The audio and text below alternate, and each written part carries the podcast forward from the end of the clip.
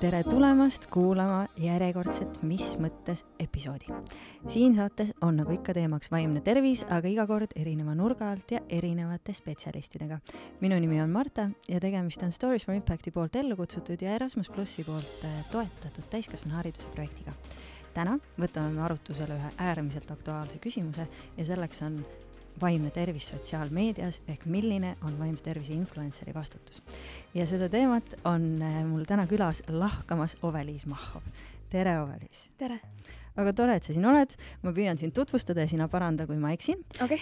sa oled äh, arst, psühhiaatria resident mm, -hmm. koolitaja ja. ja vaimse tervise aktivist ehk siis sotsiaal, sisuliselt vaimse tervise äh, sisulooja, võin ma nii öelda? võib küll öelda, jah ma alustakski sellest küsimusest, et ähm, sotsiaalmeedias võtavad vaimse tervise teemadel sõna järjest enamad inimesed, seda mm -hmm. tehakse väga palju ja iseenesest on see ju hästi positiivne äh,. küll aga väga tihti on need kogemuslood ja neil inimestel ei ole tingimata erialast haridust ja nii edasi ja siis on meil teisel pool teadlased, praktikud, need abiandjad, kellel võib-olla on kogu see teadmine olemas, aga mm -hmm. see ei jõua kunagi nii laia jälgijaskonnani kui näiteks sotsiaalmeedias.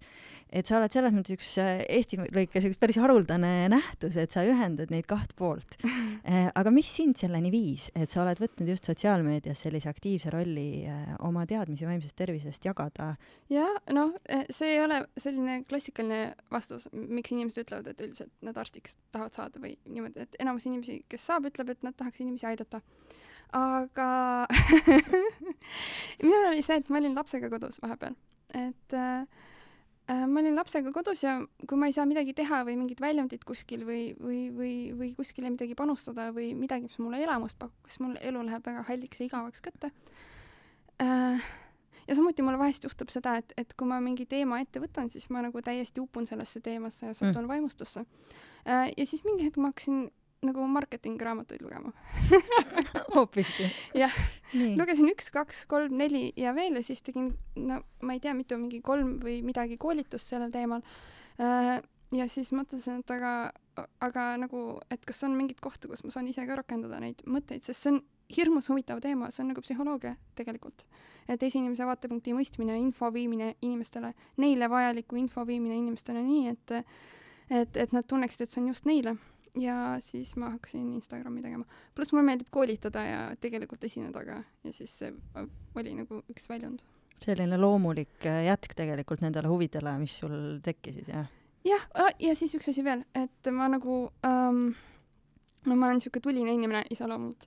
Ja mind hirmsasti ajasid närvi mingisugused äh, nagu mm, väärad infokillud või müüdid, mis levisid nagu mingid viirused inimeste seas, et ongi noh, kellegi sõber, sõbra sõber, sõber mingi koleda kogemuse kuskilt rääkis ja siis tuli vastuvõtul üks, kaks, kolm, neli, viis, kuus patsienti, kes kõik rääkisid sedasama müüti mulle. ja see nagu mingi hetk muutus päris masendavaks, sest sellised asjad tegelikult takistavad seda, et inimesed leiavad mingid asjad, mis neil päriselt töötavad ja toimivad et, äh, et see on ka üks kanal, kus ma saan nagu kummutada neid niimoodi, et, et, et keegi kuuleb ja näeb ka. väga huvitav, aga mis on need mõned sellised müüdid, mis sulle kõige enam võib-olla meelde on jäänud, mis sa näed, et levivad kulutulena ja tegelikult vajaksid ümberlükkamist mm,? no antidepressandid on üks teema.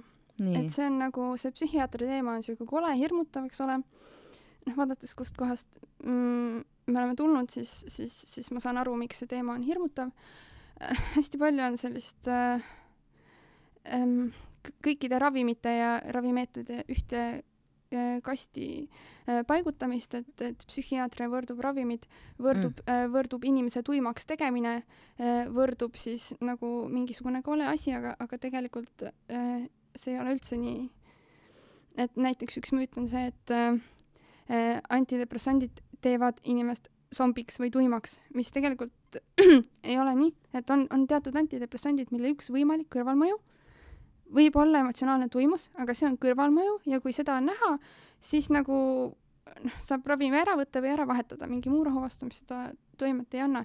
et antidepressandi, seda juhtub vähestel mm, -hmm. et antidepressandi eesmärk ei ole inimest tuimaks teha. antidepressandi eesmärk on anda inimesele mõtlemisele paindlikkust juurde ja võtta seda stressireaktsiooni natuke maha. et see ei ole mingi aju mõtlemist aeglustav või tuimestav või emotsioone ära võttev ravi nagu mm. -hmm. näiteks kui sellised ja. sümptomid ilmnevad, siis tegelikult koostöös selle spetsialistiga, kes ravi määras, saab seda raviskeemi kohendada. sest keegi, okei okay,, okei okay,, mõned tahavad, ega enamus inimesi ei taha elada niimoodi, et nad on emotsionaalselt tuimad, et ei tunne rõõmu ega kurbust ja ükski spetsialist tegelikult ei taha inimesele seda tekitada ka, et see on kõrvalmõju ja kui sul see on, siis ütle arstile, kui rohi ära lõpetada, siis see kaob ära ja noh, et nagu aga, aga mingil põhjusel on veendumus, et, et see oleks nagu rohtude peaeesmärk ja, ja, ja, ja, ja seda arusaadaval põhjusel inimesed kardavad. mina ka ei tahaks, et mingi rohi mind tuimaks teeb selles mm -hmm. suhtes, et äh, näiteks aga sa tõid välja, et äh, inimestel on psühhiaatrite suhtes jätkuvalt äh, selliseid eelarvamusi või mingisugust hirmu, et,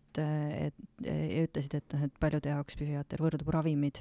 Ehm, mis sinu jaoks on psühhiaatria, kui sa peaksid, ma saan aru, see on jube keeruline küsimus, aga et sa oled teinud selle valiku spetsialiseeruda just nimelt psühhiaatriale. mis see sinu, sa oleksid võinud ka psühholoogiks hakata, onju, et, et miks psühhiaatria? ei noh, pärast seda, kui ma arstiteaduskonna lõpetasin, siis kui ma oleks tahtnud psühholoogiks hakata, siis ma oleks pidanud algusest peale oma haridusteed alustama tegelikult. Äh, mul ei olnud seda psühhiaatri mõtet, kui ma arstiteaduskonna astusin. Ja see oli jälle, olgem ausad, üsna pragmaatiline valik. et, et kui sa lõpetad arstiteaduskonda ja hakkad mõtlema, mis eriala sulle huvi pakub, siis tegelikult, kui sa nagu süvened, siis sa leiad igas erialas midagi, mis on haarav ja mida rohkem sa saad eduelamust ja mida rohkem mm. sa nagu äh, noh, elad selles erialas, seda rohkem põnevat leiad, eks ole Äh, et, et selles mõttes, info mõttes vahet pole, millise eriala sa valid. Mis osas on vahet, mis eriala sa valid, on töö, tööstiil, töövõimalused ja, ja mingid aspektid, mida see annab sulle nagu erialaväliselt. ja see on see, mis mulle psühhiaatria juures meeldis mm. -hmm. et mul on patsiendi jaoks palju aega, ma ei pea tegema liinitööd. Äh, ka see, et see ei ole igav, et iga inimese depressioon on erinev ja need lood on erinevad ja ja, ja see on nagu haarav ja huvitav, et ma ei pea kuulama sellesama südamepuudulikkuse kohta mingi kaheksakümne viiendat korda nagu mm. -hmm. et äh, kui me räägime kardioloogiast, eks ole, miks ma ei läinud sinna, et äh, et seda individuaalsust on jaa. vaimse tervisega tegeledes äh, noh, ma ei tea, kas kvantitatiivselt saab öelda rohkem, aga et sa tajud, et seda on rohkem, onju? ei, vaheldust mm, -hmm. vaheldust. nagu arstitöö aspektist nagu. aga kui sa otsustasid äh, sotsiaalmeedias aktiivsemalt tegutsema hakata. Äh, kui läbimõeldud see samm sinu jaoks oli või mis, äh, kui strateegiliselt sa sellele lähenesid, mis eesmärgid sa endale püstitasid näiteks? jaa, see oli strateegiline samm selles suhtes, et kui üldse midagi tegema hakata, siis võiks nagu välja läbi mõelda, mis sellest siis nagu tuleb ja mis nagu tahaks. ja eks ma kaardistasin, noh, selles suhtes, et mu, mu see strateegia ja eesmärgid ja teemad ja mõtted on natuke muutunud um, aga mul jah äh, oli mingisugune, mõttes mingisugune jälgida, jälgijate arv, mida ma võib-olla kunagi tahaks ja ja, ja mingisugused osad eesmärgid, mida ma ei ole veel saavutanud, mida ma ei julge välja öelda ka aga, aga ma tegin jah ennast tuttavaks, mismoodi Instagram toimib, sest enne seda ma ei olnud isegi nagu kasutajana scroll inud seda aa, et sinu äh, teekond sotsiaalmeedias sisuliselt algaski yeah. sisuloojana mm? -hmm. Ah, väga lahe. ja ilmselt üsna ebatüüpiline tegelikult. võib-olla jah okei okay., äh, aga see teemade nagu spekter siis yeah.. sa ütlesid, et see on aja jooksul natukene muutunud ka. kui mina sinu feed'i vaatan, siis ma näengi, et sa tegelikult tegeled hästi laia, äh, väga paljude erinevate teemadega mm. -hmm. see on see mulje, mis mulle jääb yeah.. kuivõrd sina enda jaoks äh, defineerid või tõmbad mingeid piire, et mis on sinu teemad, mis ei ole mm -hmm. ja kui suur osa sellest ähm, nagu sünnib äh, ka mingisuguse nõudluse või dialoogi tulemusena oma jälgijatega? hästi palju äh,. Kui ma alustasin, siis ma olin nagu mures, et kas üldse leidub teemasid, millest nii palju rääkida või postitada. aga mu teemad on suures osas, ma julgen rääkida nendest asjadest, millega ma ise kokku puutun mm -hmm. igapäevaselt. et ma üritan väga üritan, kui on, on mingi asi, mille puhul ma ei tunne ennast kindlalt, siis ma kas ütlen, et ma ei tea täpselt, aga ma arvan. või siis äh, lihtsalt ei vasta sellele küsimusele, kui küsimuste kasti tuleb mm. -hmm. ja, ja ma saan aru, et osad jälgid on nagu mm, frustreeritud, et küsivad sedasama küsimust jälle ikka ja uuesti, millele ma ei ole vastanud, aga ausalt nagu ma ei oska kõigile küsimustele vastata. et näiteks küsimus, et noh, et kas antibiootikume võib purustatuna võtta või mitte, no ma ei tea, ma ei, väga ei kirjuta neid oma igapäevatöös nagu enam väga palju, noh.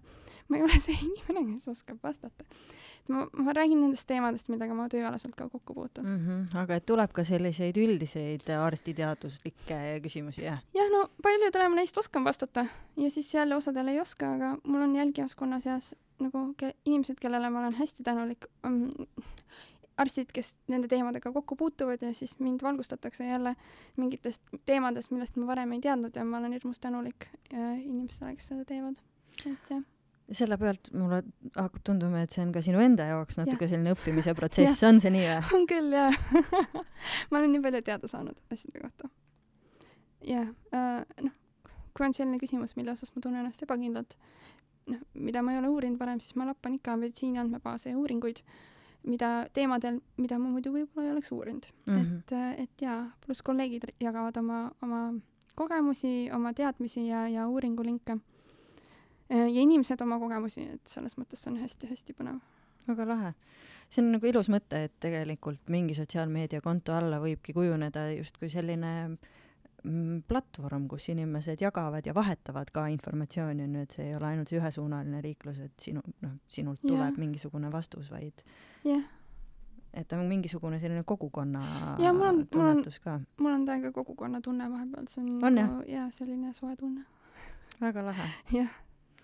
Aga kui ma küsin sinu hinnangut sellele, et vaimsest tervisest räägitakse üha enam mm, -hmm. väga paljud inimesed jagavad oma kogemusi väga paljud inimesed jagavad ka mingisuguseid nippe mm, -hmm. väga paljud inimesed müüvad mingeid teenuseid või tooteid äh, nende yeah. asjade varjus, aga et mida sina ütled, olles, olles sellesse maastikusse põhjalikumalt sisse vaadanud, millist sisu sa näed mm, -hmm. mida on liiga palju mm -hmm. ja mida on liiga vähe äh,? liiga vähe on, on mitmekesisust selles suhtes, et hästi palju räägitakse depressioonist, ärevusest, vähem räägitakse sellistest stigmatiseeritud teemadest nagu isiksuse häired, väga vähe, väga vähe räägitakse psühhoosist, see on tõesti mm. selline väga stigmatiseeritud teema, kui, kui nagu mõni töö juures juba julgeb öelda, et, et mul on depressioon ja võtan ravimeid ja see on juba noh sellises sõbralikemas töökond, töökohtades ja loodetavasti varsti igal pool nagu väga aktsepteeritud mm, -hmm. siis nagu no ma väga raske on ette kujutada praegu, et, et, et, et keegi tunneks ennast mugavalt tööl välja öeldes, et, et tal on näiteks äh, skisofreenia ja võtab rohtusid. et see on teema, mis vajab nagu normaliseerimist, see on teema, mis vajab inimestele info andmist ja sellist laiemat teadlikkust. et see nagu ei ole, ei tunduks enam nii äh, teadmatust äh, tulvil ja, ja hirmutav teema. muidugi ma ise võiks ka seda teemat rohkem käsitleda ma plaanid sa seda? ja, ja ma natuke olen psühhoosi käsitlenud, ma olen highlightsides psühhoos ja, ja aeg-ajalt olen selle teemaks võtnud ja selle kohta küsitakse, aga ma olen sageli ka kergema vastupanu teed läinud ja mingeid muid teemasid võtnud, et jah mm. -hmm aga kui me räägime sisuloojatest endist, sest mm -hmm. et olgem ausad, suur osa sellest, kui sa oma jälgijaskonda kasvatad, on see mingisugune persooni bränd, see yeah. defineerimine, et millist äh, noh, et mida, milliseid vaatajaid, kuulajaid ma taga ajan, millised teemad neid huvitavad nii edasi, onju, et see eeldab ikkagi natuke sellist enda karakteri, mina, noh, et loodetavasti no, need asjad püsivad, on ju mm? -hmm, mm -hmm. aga kui erinev on näiteks äh, Ovelis tavaelus ja Ovelis äh, sotsiaalmeedias? kui, kui kar-, kui äh, nagu peene karakteri sa endale oled läbi mõtestanud? eks me kõik loome endast sotsiaalmeedias mingi kuvandi mm. -hmm. Uh, mul on see, kui ma mingeid story sid postitan, kui mingisuguseid mõtteid välja käin, eks ole uh,.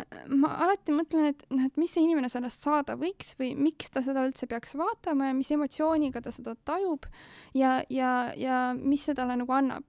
et kas see lahutab ta meelt ja, jätab talle mulje, et ma olen inimene, mida ma, noh, olengi, et et ma olen inimene. Yeah.. või siis see annab metasõnumi, ühe nendest metasõnumitest, mida ma aeg-ajalt üritan edasi anda, näiteks et seda, et enda eest peaks hoolitsema, et või siis, et peres võiks tööjaotus olla selline, et, et mõlemad vanemad saavad puhata ja magada ja lapsel on tavaliselt ikkagi mitu vanemat ja, ja isa roll on sama oluline kui ema roll, eks mm -hmm. ole, või siis, või siis äh, Äh, metasõnum tõesti, et enda jaoks aja võtmine on okei okay. või siis, et äh, metasõnum, et psühhiaater ei ole üldse mingi hirmutav loom. et, et, et need minu story'd ja, ja postitused on sageli, enamasti story'd, kus ma oma iseloomu jagan, on, on ikkagi nagu mõnest nendest metasõnumitest inspireeritud. aga siis ma vahepeal vihastan mingi asja peale või, või, või, või mingi asi jälle nagu ajab mind äh, selliseks tuliseks ja siis tuleb seal mingisugune ähm, äh, kuus story't järjest feministlikku viha, et äh, millel on ka tegelikult metasõnum, et äh,, et, et vahelduvalt, aga inimesed, nad kirjutavad mulle aeg-ajalt, spekuleerivad, et missugune mu isiksus siis võib olla. Äh, ja nad aeg-ajalt arvavad mingeid asju õigesti, aga mingeid asju valesti. mis see tähendab, inimesed kirjutavad mulle ja spekuleerivad, milline mu isiksus, milline see kiri on või umbes nii, et tuleb küsimuste kasti küsimus, et, et sa oled vist küll väga avatud ja sotsiaalne inimene, eks ole, nii onju, näiteks või siis, et mm, jah, need on mingisugused väited sellised. aga oled sa sotsiaalne inimene um...? sest see on nii, see on nii huvitav mõte, et ega noh, kuidas öelda, sotsiaalmeedias äh, sisuliselt teha seda tööd yeah võib ju ka väga introvertne inimene, see ei ole ju eeldus, et ma olen äärmiselt ekstrovertne ja jube, jube suhtleja ja ainult need inimesed on sotsiaalmeedias sisuloojad. tead, ma räägin sulle saladuse. et üks põhjus, miks ma Instagrami tegin, oli see, et ma ei peaks inimestega näks, näk, näost näkku suhtlema okay.. et ma saaks network ida ilma network imata. et oma mõtteid ja ideid edasi anda ja, ja, ja sellist nagu ongi kogukonda kasvatada ilma selleta, et ma peaks päriselt inimestega rääkima ehk siis nagu sellest võib eeldada, et see on minu jaoks kurnav. jaa, saan aru. aga see on osutunud tegelikult ju väga efektiivseks, võib nii öelda, onju. see on nagu hämmastav ja see toimib.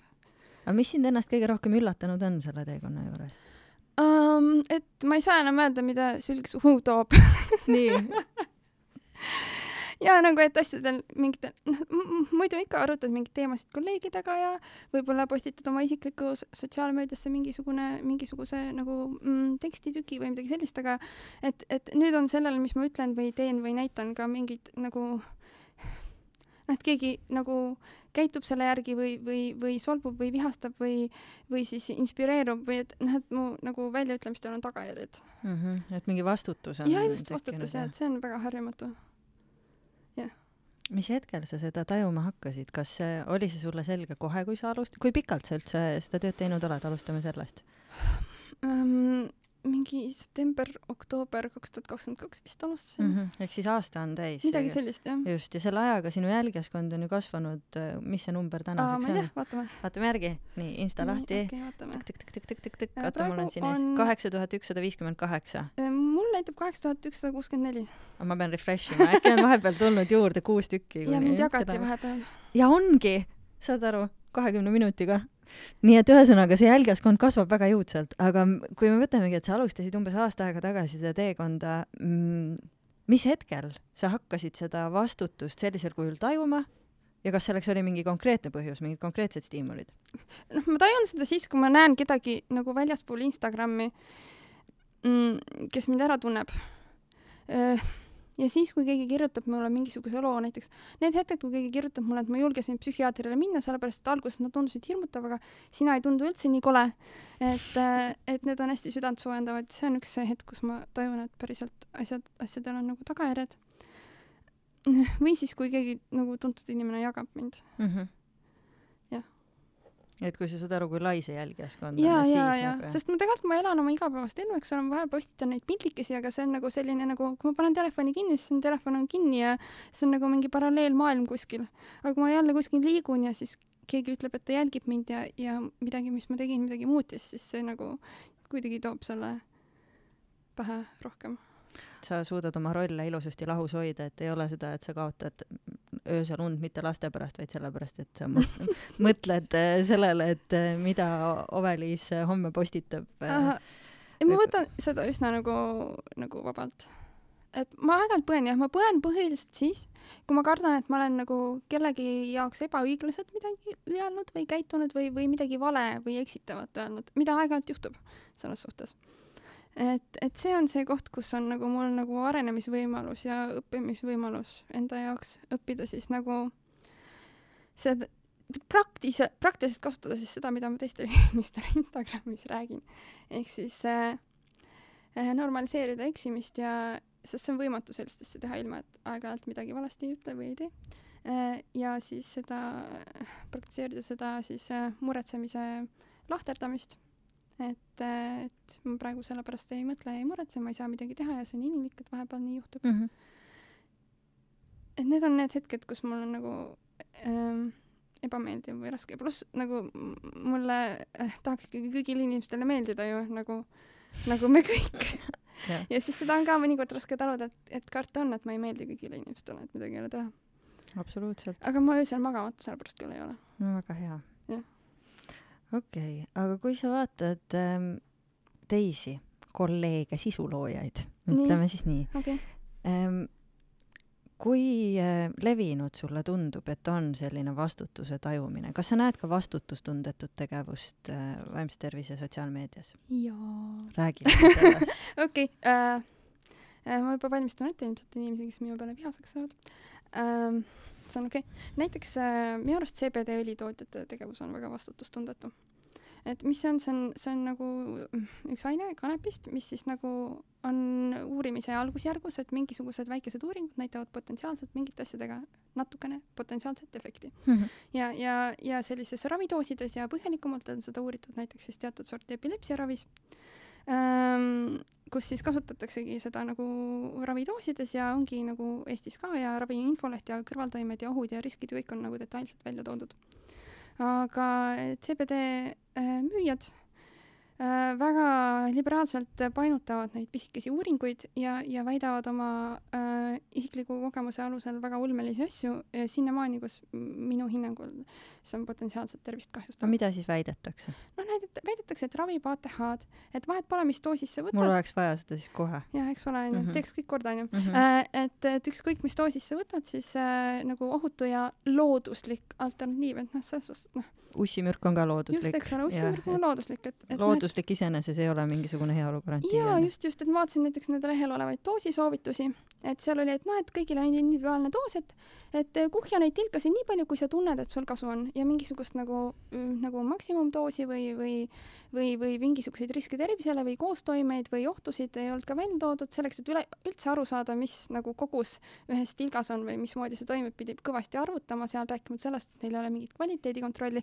rääkimata sellest, et tegelikult neil ei ole üldse Euroopas ka müügiluba siis suukaudseks tarvitamiseks. et, äh, et noh, ja, ja mind nagu teeb kurvaks see, et äh, nad on nii erakordselt head oma müügitegevuses Äh, ja võib-olla tõesti tuleb viie aasta pärast välja, et, et, et, et, et, mingite häirete puhul aitab, aga siis tahaks ikkagi nagu seda terviklikku pilti, et need andmed oleks piisavad, et oleks ohud, riskid, koostoimed, millise häire puhul, millises koguses, mis mm, -hmm. millega, et see, mis praegu toimub, see ei ole vastutustundlik, see ei ole mingisugune nagu mm, -hmm.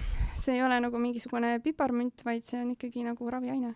arusaadav. jah, et see mind viimasel ajal väga ärritab mm. -hmm. no nüüd me võtsime ühe konkreetse sellise tootegrupi nii-öelda yeah. onju, aga noh, tegelikult neid on ju veel onju, sedasama asja võib laiendada paljudele toidulisanditele, aga kui me vaatame jällegi noh, sotsiaalmeediat väga tihti ju kasutatakse ikkagi ütleme siis äh, instrumendina, ongi müügi või turunduse mm -hmm. instrumendina, kus selleks, ähm, kus see persoon mm -hmm. ja see persooni bränd on lihtsalt üks ilming, on ju, aga mm -hmm. tegelikult see toode või teenus, mida müüakse ähm, kogu selle isikliku loo taustal, võib olla hoopis midagi muud, on ju, sest mm -hmm. et ähm, ja ma tahakski kor-, küsida sinu kommentaari sellele, et äh, noh, ma ei tea, ütleme, et mul on, äh, ma ei tea, mul on, mul on olnud depressioon, onju mm, -hmm. ma hakkan jagama mingisuguseid äh, nippe ja trikke, kuidas siis äh, jagama esiteks oma väga valusat ja olulist lugu, oma tervenemise teekonda mm -hmm., noh, et on nii palju narratiive, mille ma saan konstrueerida, et koguda endale mingisugune jälgeskond mm, -hmm. sealhulgas jagada neile muudkui mingisuguseid nippe, onju mm, -hmm. mis võib-olla minu jaoks on töötanud mm, -hmm. aga ütleme, et ma kujundan sellest välja mingisuguse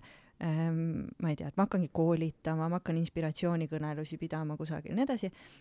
kui eetilisena sina näed sellist tegevust, et me, et äh, see vaimne tervis pööratakse justkui äriks mm, -hmm. milles iseenesest ei pruugi olla midagi halba mm, -hmm. aga kas me näeme seal ka mingisuguseid ohte? jah, no üleüldiselt, kui rääkida nagu vaimse tervise teadlikkusest, siis persooni lood võivad olla nagu, nagu aeg-ajalt ikkagi ka väga head, eks ole mm. -hmm. ja ma nagu ka äh, see võib olla nagu, see, see ei pea alati halb olema, eks ole, et kui inimene jagab oma isiklikku lugu, noh, kogemusnõustajad on meil olemas, näiteks kogemusnõustajaks saab õppida, kui inimene on näiteks kogemusnõustajaks õppinud ja no, ja aga olgem ausad, üheksakümmend üheksa protsenti inimestest ei ole õppinud kogemusnõustajaks, vaid arvavad, et see, mis töötas neile, töötab kõigile teistele. jah, no okei okay,, minu arvamus. minu arvamus, kui inimene sellist asja teeb, siis ta peaks väga selgelt välja ütlema, et, et see töötas talle mm.. et seda on okei okay teha ja seda on okei okay jagada, eks ole, aga sa pead selgelt välja ütlema, et millel see sinu arvamus või, või, või need nõuanded põhinevad mm. -hmm. et, et selline väide, et see töötas mulle ja see automaatselt töötab kõigile, kuid kui ei, ei ole nagu mingisugust alust, mille põhjal seda väita, siis see võib aeg-ajalt olla vastutustundetu. aga ma arvan, et kui inimene ütleb selgelt välja, mille põhjal ja, ja need on nagu, need ei ole mingisugused äh, kahjustavad nõuanded ja ta ütleb selgelt välja, välja, et see oli tema kogemus, teistele ka soovitab. Ja noh, inimesed, noh, selles suhtes, et meelelahutusäri äh, mõttes, et, et kui inimesed teadvustavad, et see on selline nagu kellegi isiklik lugu ja ja et, et neil on igav ja tahaksid kuulata ja ja, ja, ja, ja teavad täpselt, mis see on siis, mille, mille eest nad maksavad, et nad ei maksa nagu terapeutilise ekspertiisi eest, vaid mm -hmm. nad mhm. maksavad kellegi isikliku loo kuulamise eest siis äh, see võib olla okei okay,, aga noh, varieerub. jah ja. saan aru. jah.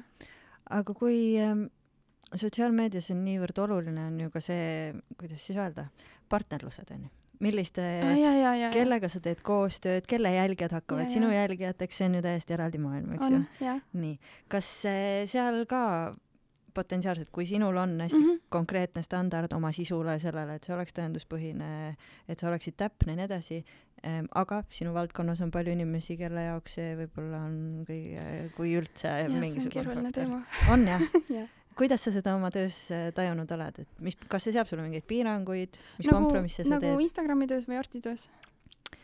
Äh, mõlemat, alustame näiteks okay, Instagramist no,. Instagramist mm, -hmm. okei okay. kui inimesel on mingi hobi kui tal on selle hobi jaoks nagu raha, kui see teeb, teda teeb õnnelikuks mm, -hmm. kui see tema, kui see ei sega seda, et ta jõuab nagu mingisuguse abini, mis on tõenduspõhine ja toimib, eks ole, siis minu poolest nagu tegeles, tegelegu selle hobiga nagu, minu arust see hobi võib olla nagu see diskgolf või nõia juures käimine või, või, või, või mingit sorti nagu leebed ravimteed või, või, või mis iganes teda õnnelikuks teeb, nagu kui mm -hmm. see ei tee inimesele haiget ja kui tal ei võetaks seitse nahka selle eest ja, ja, ja kui ta tunneb sellest nagu lisatuge, siis nagu ja kui see ei sega nagu seda, et ta jõuab sinna, kus ta abi saab, siis minugi poolest nagu ma ei näe probleemi, miks ei võiks käia, kui, kui ta tõesti naudib seda nagu siis nagu noh, inimestevahelised suhted ja kogukond on, on vaimsele tervisele hea ja mm -hmm. mõnikord inimene tunneb sealt äh, tuge ja, ja, ja tal hoitakse kätt ja üks asi, mis alternatiivmeditsiinis on, mida, mida selles meie äh, Haigekassa rahastatud meditsiinis ei ole, on aeg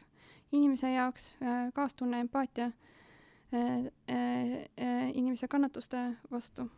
et kui ta seda sealt saab ja see ei sega tema päris abi saamist, siis, siis nagu minugi poolest, et, et see muutub ähm, see muutub eetiliselt küsitavaks sellel hetkel, kui, kui need inimesed toovad välja mingisuguseid väiteid või arvamusi või soovitusi, mis hakkavad kedagi aktiivselt kahjustama või, või takistama teda jõudmist, tema jõudmist siis sellise abina, mis on tõendatud ja see on tegelikult sinu vastus nii Instagrameri kui arsti seisukohast, kui ma, või? jah, põhimõtteliselt küll jah.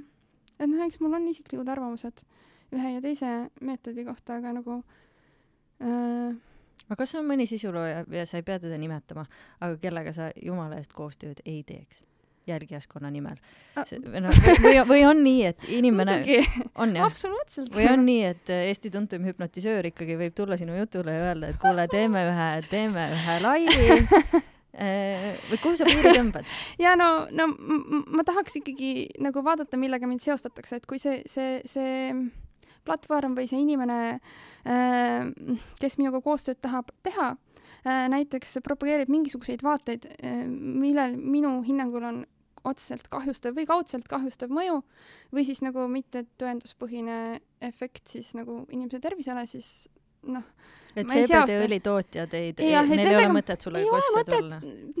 selles suhtes nad võivad tulla viie aasta pärast, kui neil on nagu, nagu võib-olla mingisugused mm. metaanalüüsid ja uuringud tehtud ja neil on võib-olla Euroopa müügiluba ja neil on mingisugused konkreetsed nagu äh, SPC on selle nimi, see ravimi äh, infoleht, kus on täpselt kirjas, mis doosidega, mis ohud äh,, mis doosis võtta siis, kui sul on neerupuudulikkus, mis doosis võtta siis, kui sul on maksapuudulikkus, mis on protsent, et juhtub see, see, see nagu mm.. kui on see olemas, siis nagu noh, võime mõelda, mõelda, aga nagu ähm, praegu küll mitte.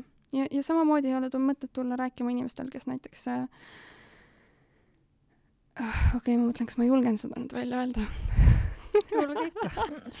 näiteks äh, ei ole mõtet äh, noh, näiteks minu arust veendumus, et äh, minu arust veendumus, mis, mis siis mm, äh, aeg-ajalt nagu teatud ringkondades levib.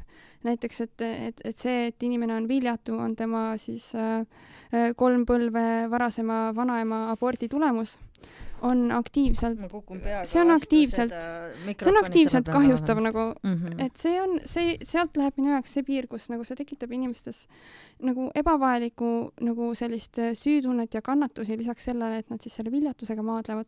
lisaks sellele on siis selline ka abitustunne, kui nad on veendunud, et see on põhjus, siis nagu otsivad abi kohtadest, mis tegelikult abi ei anna.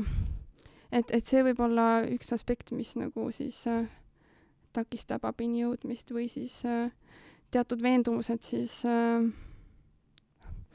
saan pärast jälle sõima ähm, noh, soorollide koha pealt, eks ole, et igasugused äh, mingi piirini on nagu hobina on nagu mingite naisenergiate, meesenergiate teema on okei okay,, onju, aga see muutub äh, selliseks äh, eetiliselt küsitavaks sellest aspektist, kus see hakkab siis äh, äh, takistama siis äh, enesekehtestamise äh, võimalusi ja, ja võib-olla ka ähm, võrdväärsust siis puhkeaja ja, ja, ja sõnaõiguse teemal siis nagu suhetes näiteks mm. -hmm.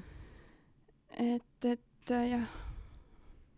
et neid küsimusi on ja neid selliseid arutelusid ja seda diskursust on küll ja veel tegelikult, mille osas sina arstina vaatad nii, et sa näed ära ka selle potentsiaalselt kahjustava. Mõju. jah mm. -hmm. aga kui ma jälle vastandina siia küsin, et äh, kes on sellised sisuloojad, keda sa ise jälgid, keda sa imetled, kelle sa oled endale eeskujuks võtnud kes on need positiivsed näited, äh, kelle tööd sa tahaks esile tõsta ja mida sa tahaksid rohkem näha no esiteks äh, osad vaimse tervise äh, sisuloojad mm,. näiteks Rebecca Põldmaa ehk siis Instagramis at remap altkriips psychologist, kes on hästi vahva, ta on siuke jalad maas ja selline nagu öö, otsese ütlemisega selline nagu samas nagu lõbus ja, ja, ja ka tõenduspõhisele siis meditsiinile põhinev psühholoog, kes kuuldavasti eh, pidi ka, ma ei ole teda kunagi päris elus näinud, aga me vestleme Instagrami Messengeri teel, aga, aga, aga, aga teda ma jälgin ja, ja teda ma, tema vastuseid ma täitsa soovitan vaadata, kui tahta sellisest Eesti, sellisest, mis psühholoogi kabinetis toimub, sellest teada saada mm. natukene. ja siis loomulikult Merilin Mandel, kes on Yes laste Instagrami kontoga. tema need äh, soojad ja värvilised ja, ja, ja tingimusteta aktsepteerivad vastused on äh, äh, inspiratsiooniks.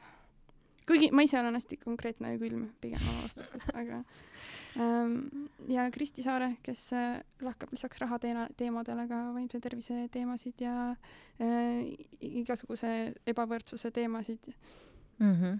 näiteks, mõtlen, kas keegi veel ah,. Ah, Kristina Pirk-Vellemaa oma sekspositiivi kontoga. väga soovitan, Annika Tamme ka, tema on äh, äh kompulsiivse seksuaalkäitumise äh, osas siis välja õppinud äh, nõustaja okay.. et äh, kui keegi soovib, siis olen kunagi mõelnud, et äh, miks siis spetsialistid ütlevad, et seksisõltuvus sellisel kujul eks, ei eksisteeri, siis ma soovitan vaadata Annika Tamme kontot. okei okay.. jah.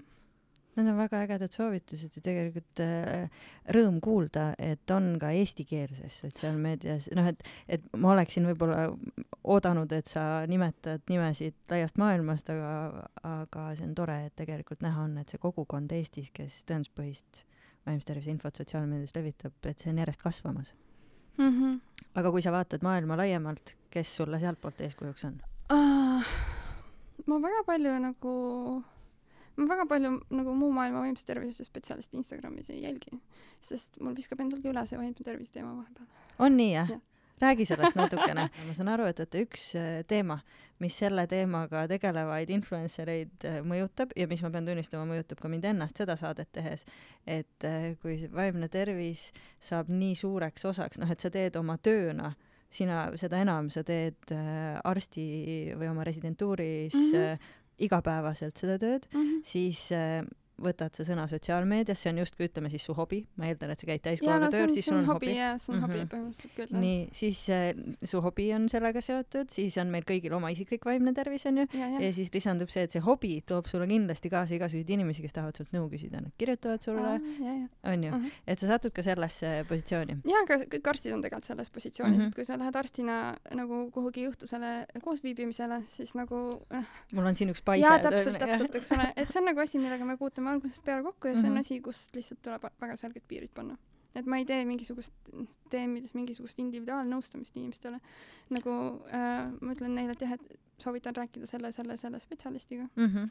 Äh, ja häälsõnumeid ma ei kuula, lihtsalt ei kuula, sest osad inimesed nagu, ma ei ole nagu, ma ei jaksa pakkuda inimestele nagu igast eluvaldkonnast kogu aeg emotsionaalset tuge, ma põleks ise läbi. ja ma lihtsalt ei tee seda, ma lihtsalt ütlen, et jah, et soovitan, kuhu pöörduda, mis teha. Aga, aga see on asi jah, millega ma ei tegele. Ja ma ei tee ka inimeste mingite haiguslugude mingit süvaanalüüsi või, või, või seda tööd, mis ma töö juures teen. et see on ikkagi nagu üldine, üldine mm, teavitamine ja, ja üldine nagu sellise teemavaldkonna tutvustamine, et ma ei ole, ma ei tee Instagramis arstitööd mm. -hmm. see, mulle tundub, see on tegelikult hästi oluline või ilus, kuidas sa selle välja ütled, et ma ei tee Instagramis arstitööd mm. -mm, ei tee, ma ei põleks, esiteks see on eetilised küsimused seal ja teiseks ma põleks hästi kiiresti läbi ka. ja mis seal tuleb, kõik konfidentsiaalsuse küsimused ja ja piiride küsimused, et ma isegi ei tunne süümekaid, sellepärast et ma ütlen inimestele, et ei, et ma ei, ma ei tee sellistesse teemides mm. -hmm aga mida sa mõtled piiride küsimuse all? no et piiride küsimuses, et, et, et noh, et kui sa teed arstitööd, eks ole, siis sinu ja patsiendi vahelised piirid peavad olema väga selged, et kui seal tekib nagu mingisugune lisaks professionaalsele nagu sidemele mingisugune isiklik side mm, -hmm. siis läheb väga keeruliseks inimest aidata. ja samamoodi nagu, et pärast tööpäeva siis kuskil Messengeris edasi vestelda, noh, et see ei ole eetiline. ja, ja, ja see on asi, mida ma ei tee Instagramis. okei okay.. nii et ikkagi see joon väga selge. on hästi selge, on ju? hästi selge ja noh, see ka muidugi, et ma ei kajasta oma igapäevatööd Instagramis isegi kaudselt mitte nagu parim, mis sealt võib saada, on vaade siis nagu minu kabineti aknast või, või siis nagu äh, umbmäärane to-do list, kus ei ole mitte ühtegi nime nagu okay.. et äh, ja isegi noh, ongi, kui on mõni patsient haiglas mingi murega, siis ma üritan isegi seda teemat sellel päeval mitte puudutada äh, Instagramis, et väga-väga-väga-väga äh, et need seosed piirid. ei oleks üldse otse võima-. et ei oleks isegi kaudselt võimalik mm -hmm. tõmmata. okei okay sul on kindlasti ülevaade ka oma jälgijaskonnast, et kes ennekõike on sinu jälgijad, tead sa seda detailselt? enam-vähem. enam-vähem, kes ja. sinu jälgijad on?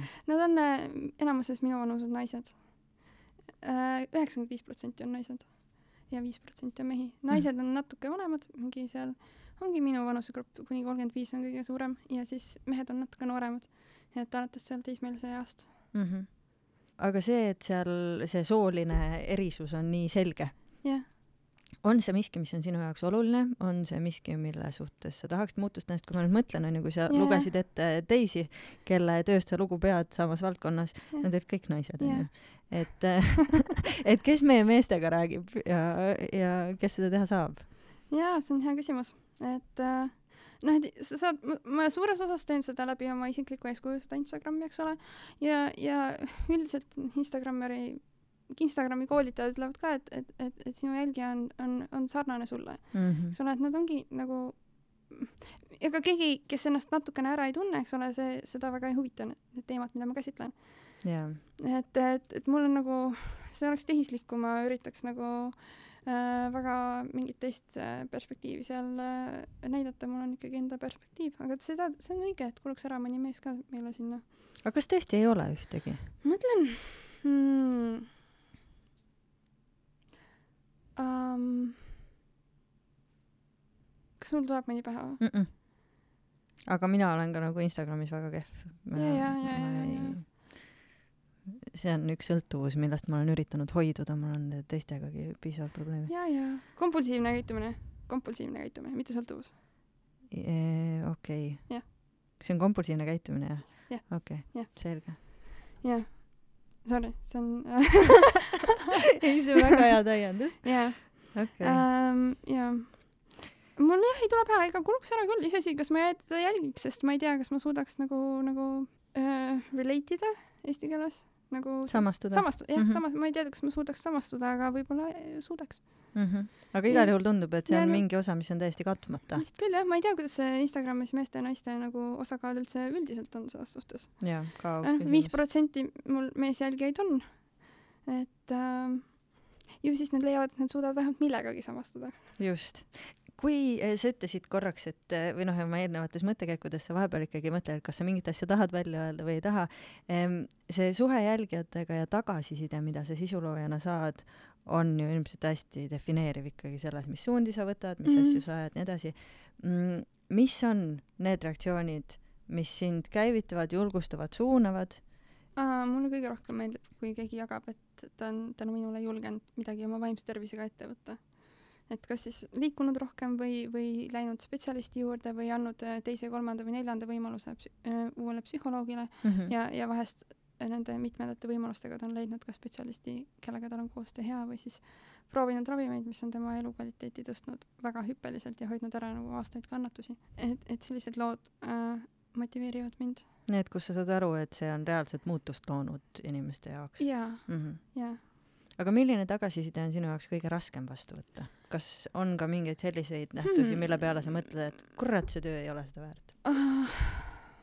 no mind on narkodiileriks nimetatud oh.. ja, ja, ja, ja näiteks et sa oled Big Pharma poolt ära ostetud või? just, just, ainult et seda Big Pharma tšekki ei ole siiamaani saabunud ütleme siin uuesti välja Oveliisi aadressi, et Big Pharma saaks tšeki ikkagi kohale saata. just, just, just, just. nii mm,. Instagrami DM-idesse võib saata. just äh,, at Oveliis. jah, just, just.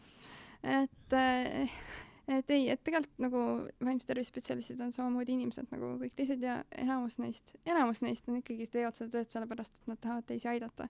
ja eh, nende eesmärk ei ole inimesi ära tuimestada mingite rohtudega ja siis minna koju, vaid ikkagi nad tahavad ka tunda, et nende tööst on abi ja kasu ja et need on inimestele toonud head. Need on ju nagu arstiharidusega ka, et enamus inimesi läheb arstiks õppima selle mõttega, et tahaks ikkagi nagu head teha mm. -hmm. et eh, me ei ole hirmsad me tahame inimestele head ja, ja, ja on palju olukordi, kus ravimitest on väga palju kasu mm. -hmm aga ühesõnaga tagasiside mõttes see tähendab seda, et kui sind äh, sildistatakse mingisuguste seisukohtade alusel, siis see tegelikult riivab ikkagi kõige rohkem. see, see konkreetne pani mind nagu natuke muigama ja natuke kurvaks tegi, sest see nagu tavaliselt selline tagasiside tuleb nagu olukorrast, kus inimesel endal ei ole võib-olla kõige parem olla muidugi. aga kuidas sa iseennast oled õppinud kaitsma? sa mainisid tegelikult juba seda, et sa noh, arstitööd Instagramis ei tee, see on ka üks enda piiri tõmbamine onju. aga sisu, nagu sisuloojana sa ju avad ennast mingis mõttes noh, nii kriitikale, tagasisidele, et, et see introvertsus, mille tõttu sa sinna sotsiaalmeediasse justkui läksid, onju, saab tegelikult päris kõva hiti ehm, kuidas sa veel oled õppinud ennast kaitsma, et, et selle töö, et see töö oleks jätkusuutlik, et sina ennast seda tehes hästi tunneksid? no esiteks ma pean päriselt rakendama neid asju, mida inimesed, mida ma inimestele soovitan nii sellepärast sa ei jälgigi äh, teisi, ütleme siis, et kogu su feed ei koosne vaimse tervise sisust, et oleks elus muud ka, ma oletan. ja see ka, eks ole, aga, aga mitte enda materdamine mm.. et vahest asjad juhtuvad ja ei ole võimalik teha niimoodi, et üldse vigu ei tee ja ma annan ennast parim ja see on okei okay. ja, ja üks asi, mis on minu jaoks suur asi, on olnud, et õppima, õppimine toime tulema selle tundega ähm,, inglise keeles on väljend waiting for the other shoe to drop, vaata ehk siis tunne, et, et, et asjad on liiga hästi, et kohe juhtub midagi halba nagu. et millegagi kohe paned täiesti katastroofiliselt pange või et, et see ei saa olla niimoodi, et läheb okeilt.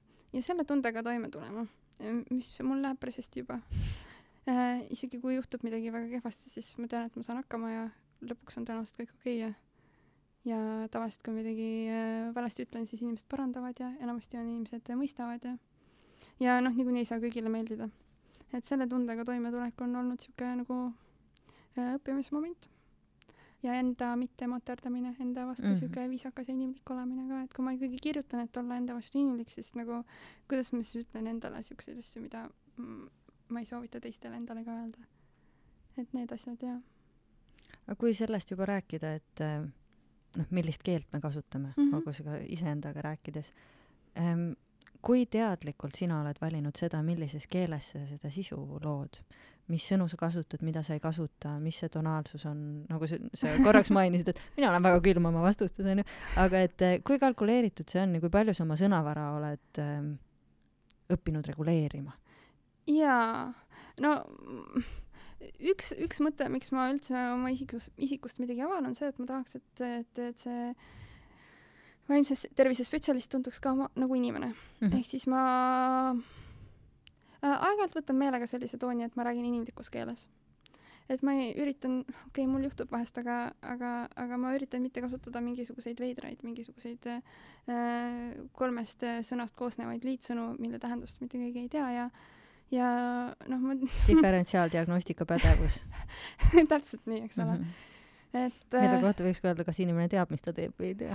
jah, põhimõtteliselt. Äh, et, et ma üritan neid mitte teha, ma no, tahaks, et inimesest tekiks, tekiks selline tunne, et, et keegi räägib temaga juttu. Äh, ja noh, ma kasutan slängi ka vahepeal lihtsalt seepärast, et ma ei viitsi sõnu pikalt välja kirjutada. Ja ma vabandan kõigi ees, äh, keda häirivad kirjavead, sest ma tean, et neid juhtub nagu rohkem, kui võib-olla ideaalne oleks. Aga sa tõid enne välja, et tegelikult see tagasiside ja vigade parandus, mida sa saad oma äh, Äh, nii jälgijatelt kui kolleegidelt, et see on sinu jaoks oluline sisend? jaa, see on väga tähtis. jah, see on nagu üldiselt hästi armas ja viisakas minu vastu. ja ma saan ise palju targemaks, igasuguseid, äh, ma olen nagu avastanud, et igasuguseid vaatepunkte ühiskonna eri gruppide poolt, et nendega ma olen päris hästi kursis. mis sa silmas pead? noh, et äh, vaimse tervise teemad tekitavad hästi palju igasuguseid äh, arvamusi, igasuguseid mõtteid e, eri inimgruppidelt, kes on nendega rohkem või vähem seotult ja mõnikord nagu kliinitsistina elad nagu mullis äh, mõnikord.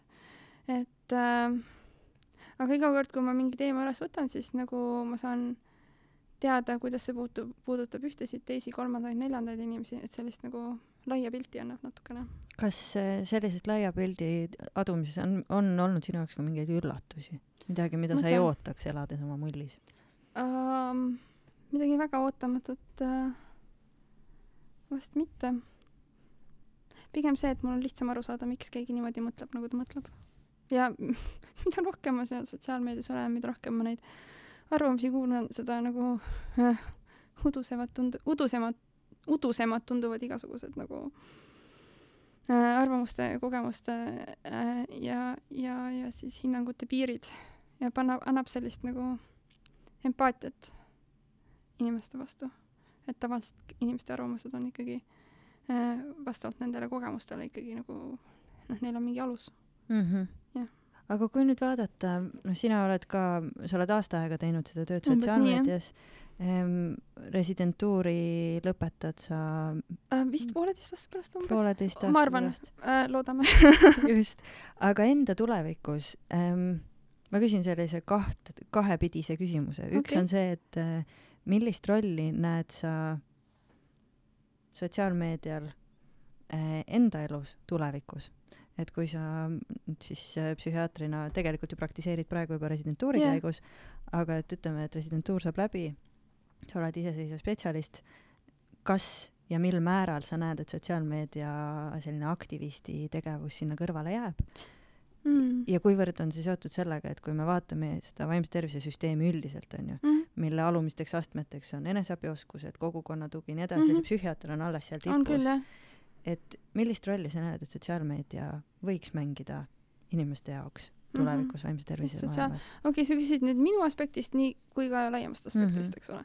noh, ma tean, et mulle hirmsasti meeldib koolitada ja noh, aeg-ajalt inimestele meeldib kuulata ka, kui ma koolitan.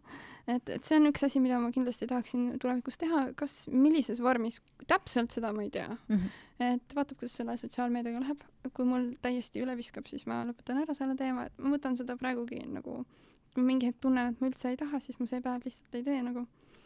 et, äh, et ma ei tea, kuidas sellega pooleteist aasta pärast on mm,. üldiselt äh, noh, see on nagu koht, kus saab teha sotsiaalmeedia vaimse tervise osas saab teha palju kurve, kurja ja palju halba, ma üldiselt loodan, et see asi liigub sinna nagu suurema teavitustöö poole ja, ja, ja sellise kogukonna toetamise ja, ja, ja enesehoiu äh, toetamise ja abivõimaluste parema tutvustamise poole. jah. kas sul on mingeid soovitusi kolleegidele, et ma ma saan aru sellest, et äh, meie vaimse tervise spetsialistid, äh, noh, kuidas öelda, et ähm, teil on oma töö ka, onju. selles mõttes, et jah, et oleks nagu mingis mõttes absurdne oodata eh,, oodata, et te kõik jõuate olla sotsiaalmeedia influencer'id sealjuures ja teha mingit üldist sellist, noh, rahvatervise alast teavitustööd, sest sisuliselt see on ju rahvatervise küsimus, onju. et aga teistele kolleegidele, aga samas noh, et eh, see negatiivne pool, mida me näeme, ongi see, et vohab selline sisu, millel ei ole teaduslikku mm -hmm. põhja, sest neid inimesi ei piira eetilised kaalutlused, onju mm. -hmm ja samas neid, kes teavad, kellel on nii teadmised kui praktika, praktiline kogemus ja nii edasi, need jälle ei võta sõna mm. -hmm. et eh, ka, mis on sinu soovitus kolleegidele, et kas sa tahaksid näha rohkem seda, et inimesed võtavad ka selles teavitustöös aktiivset rolli või näed sa, et noh, seda ei saagi oodata? ma arvan, et see on selles osas keeruline küsimus, et arstina nagu oma isiksust näidata on olnud nagu väga pikaajaliselt väga vastuoluline teema mm.. et, et on, on kogenumaid kolleege, kelle jaoks see on väga eetiliselt kaheldav küsimus. ja seal on see üks aspekt see, et, et kas ja kui palju peaks äh, patsient üldse aru saama, et sa oled inimene. et äh, et, et kas ja kui palju see segab siis äh, ravitööd või mitte ja ja kas see vähendab sinu professionaalset kuvandit, kui, kui patsient teab, et sa oled olnud näiteks äh,, muretsed mingi asja pärast või, või sul on mingi isikliku elu teema äh,. ja, ja kui palju see peaks olema nagu selline nagu kõikvõimas spetsialist ja kui palju see peaks mm -hmm. olema haavatav inimene, et minu meelest minu meelest see on paternalistliku meditsiini jäänuk, et, et arst on see, kes ütleb, kuidas käib ta on selline kuskil kõrgel pukis istuv kõikvõimas spetsialist ja patsient teeb nii, nii nagu on. minule meeldib patsientidega arutleda, et näed, näed, mis neil suuremad probleemid on, mis need võimalused on, mis on selle plussid, mis on selle miinused. Äh, ja, ja noh, karta on, et äh, nagu äh, ma üri-, noh, selles suhtes ma üritan olla võimalikult neutraalne, aga, aga ma olen ikkagi inimene, mu iseloom ilmselt kumab sealt läbi, eks ole mm. -hmm, et, et see ei toimu, see abi ei toimu mingis vaakumis. ja, ja kui neid Äh, punkte patsiendiga läbi arutada, siis ikkagi tema teeb otsuse ideaalis. et, et selles mõttes mina ei tunne, et, et mul oleks vaja mingisugust kõikvõimast pukki, kus siis autor-, autoriteedi positsioonilt öelda, et nii on, nii teed ja, ja, ja nii saab. Äh, tegelikult on ka uuritud, et inimene suurema tõenäosusega siis järgib raviskeemi ja, ja, ja ja siis teeb häid otsuseid, kui ta saab olla siis ise otsustada, kaasatud olla otsustusprotsessis. ja sellest aspektist mina tunnen, et mul ei ole vaja sellist nagu äh, valge lehe, valge kitli imidžit mm. ja noh, selles inimestel on õigus otsustada, kelle juurde nad tulevad, ei tule. kui neile mu isiksus ei meeldi, siis nad lihtsalt ei tule ja vastuvõtul ma muidugi ei arutle isikliku te elu teemade üle, ma süvenen sada protsenti patsiendile, eks ole mm. -hmm. et, et aga, aga see on niisugune eetiline küsimus, on küll keegi, kes ütlevad, et arstil ei tohiks üldse sotsmeediat olla. Et mina arvan, et kui ma ei näitaks oma isiksust, siis see ei vähendaks ka näiteks hirmu psühhiaatrite ees. nõustun. jah need plusse-miinused, et ma ei saa kellelegi öelda, et peaks või ei peaks ja seal on väga palju miinuseid ka selles suhtes. ja noh, see on suur töö tegelikult, et äh, kuidas keegi soovib meil on saatesse tulemas äh, Madis Parksepp, kes on aa, kui vahva! Äh, jah, minu arust ka. nii tore! jah, ma lugesin ühte tema varasemat intervjuud, kus ta ütles kuidagi seda, et äh, see mõttekäik, ta lihtsalt tõi nii toreda metafoori, et et see mõttekäik, et nagu vaimse tervise probleemid tuleneksid psühhiaatrite vähesusest, noh, et kahtlemata, et mingi roll on selles mängida, aga noh, et, et kui inimesed kukuvad väljas libedaga ja, ja, ja. siis keegi ei ütle, et, et nad kukkusid sellepärast, et ortopeede on vähe ja, ja keegi, just, ja keegi ei oota, et ortopeed peab siis lisaks oma ortopeedi just, just. tööle käima ka tänavaid liivatamas ja, ja nii edasi, onju. võib, kuidas ta naudib, eks ole aga nagu. jah, aga et naljakas ongi see, kuidas vaimse tervise valdkonnas mulle tundub jah, et tihtilugu meil on see ootus, et nad peaksid, te peaksite ise kõik tegema jubedalt tööd selleks, et inimesed ikka teaks, et nende vaimne tervis on oluline, onju, et see on selline kummaline kummaline vastuolu natukene. jah, vot ma ei ole seda survet tundnud. okei okay. aga ja ma olen nõus, et seal on nagu see psühhiaater võiks olla see nagu viimane, viimane asi, mida seal teha. et nii palju on, ennetus on ikkagi põhiasi. just mm. -hmm. aga kui ma küsin sult nüüd äh, lõpetuseks okay. ühe küsimuse okay., mida ma olen küsinud äh, enamikult meie külalistelt ja see on mul selline traditsiooniks saanud, ehk siis, et äh, kui Ove-Liis Mahhov mm -hmm. täidaks sellise positsiooni nagu vaimse tervise minister siin Eesti Vabariigis. Ja ma küsiks, et mis on need kolm suuremat muudatust, mille sa päevapealt ellu viiksid, kui ressursid mina. ei oleks küsimus? okei okay,, ma teeks äh,, kui ressursid ei oleks küsimus või mm? -hmm. ma teeks äh, koolidesse kiusamise ennetuse programmi, mis ei ole mitte ainult ettekirjutused, mida te peaksite tegema vaid, ja kuidas toetama, vaid äh,, vaid ka annaks ressursid siis va õpilaste vaimse tervise toetamiseks, sellepärast et noorte inimeste siis äh, elutüdimuse äh, elutüdimus on sageli suures osas mõjutatud ikkagi koolikeskkonnast ja perekeskkonnast, kus nad ei ole toetatud ja koolikeskkond on üks osa, kus me saame väga palju ära teha mm. -hmm. et ma suunaks osa ressursse kindlasti sinna. Äh, kaks veel, jah? jah. äh,, okei okay,, seda ei olnud selles ettevalmistavate küsimuste nimekirjas mõni asi peab üllatusena kaduma. ja, ja äh,. mis ma veel teeks mm.? ma ilmselt teeks mingisugusene komisjon, mingisuguse komisjoni, mis väga põhjalikult töötab läbi nagu mm, kasuefekti suuruselt äh, kõikvõimalikud ennetustegevused, natuke sarnaselt nagu selles vaimse tervise rohelise raamatus, ja suunaks raha sinna, kus on äh, minimum effort, maximum efficiency äh,, tsiteerides minu lemmikarvutimängu lemmiktegelast. Kes see on? see on äh, Geralt mängust Witcher kolm. Okay.. jah, ehk siis äh, äh, tõesti, kus saab nagu selle raha eest, mis saab maksimaalset efekti, ma peast ei suuda välja tuua äh, Äh, mis see on, sest ma ei ole nagu selle alaga väga palju tegelenud. ma saan aru, mis sa silmas pead yeah., sest et Stories for Impact, kelle, kelle initsiatiivil see podcast on sündinud, tegelikult tegeleb täpselt sellesama ah. asjaga, et kuidas äh, aidata erinevatel inimeste heaolusse panustavatel organisatsioonidel mõõta seda, et milline sekkumine on kõige efektiivsem. just, just, et teie juba teete seda, super imeline. katsume oma osa teha. super äge.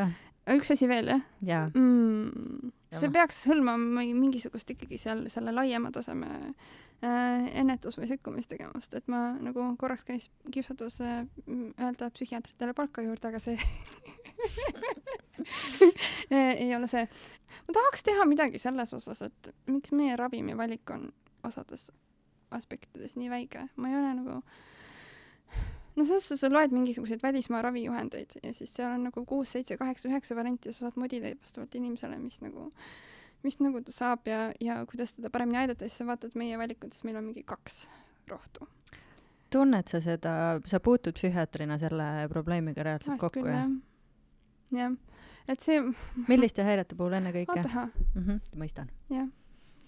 et äh, ja noh, ma ei tea, okei okay,, tarneraskus on ülemaailmselt selle mm -hmm. osas nagu, ühesõnaga ma võib-olla, kui ma saaks täitsa ise valida, siis see oleks aspekt, kus ma midagi ära teeks. Väga ilusad vastused suur,. suur-suur aitäh sulle, Ovelis, täna stuudiosse tulemast! aitäh! aitäh! Eh, meie vaatajatele-kuulajatele samuti, me pidasime nõu Ovelis Mahhoviga selles küsimuses, et milline on sotsiaalmeedia sisulooja vastutus siis, kui ta räägib vaimsest tervisest. Oveliisi saate te jälgida Instagramis, at Ovelis yeah just, kas on mõni kanal veel, kust sind otsida tuleks? ei, ei, ei, ärge meile kirjutage ja. ärge meile kirjutage ja kohtume teiega juba järgmises Mis mõttes äh, episoodis. tegemist on Stories for Impacti poolt ellu kutsutud ja Erasmus plussi poolt rahastatud täiskasvanuhariduse projektiga ja erinevalt Ovelisist meie võtame ka emaile vastu. ehk siis, kui tänane vestlus tekitas teis küsimusi, mõtteid ettepanekuid järgmiste, järgmiste teemade osas, siis kirjutage mulle marta.storiesforimpact.com või siis loomulikult andke endast märku meie sotsiaalmeedias. suur aitäh teile, kohtumiseni juba järgmises Mis mõttes episoodis. thank you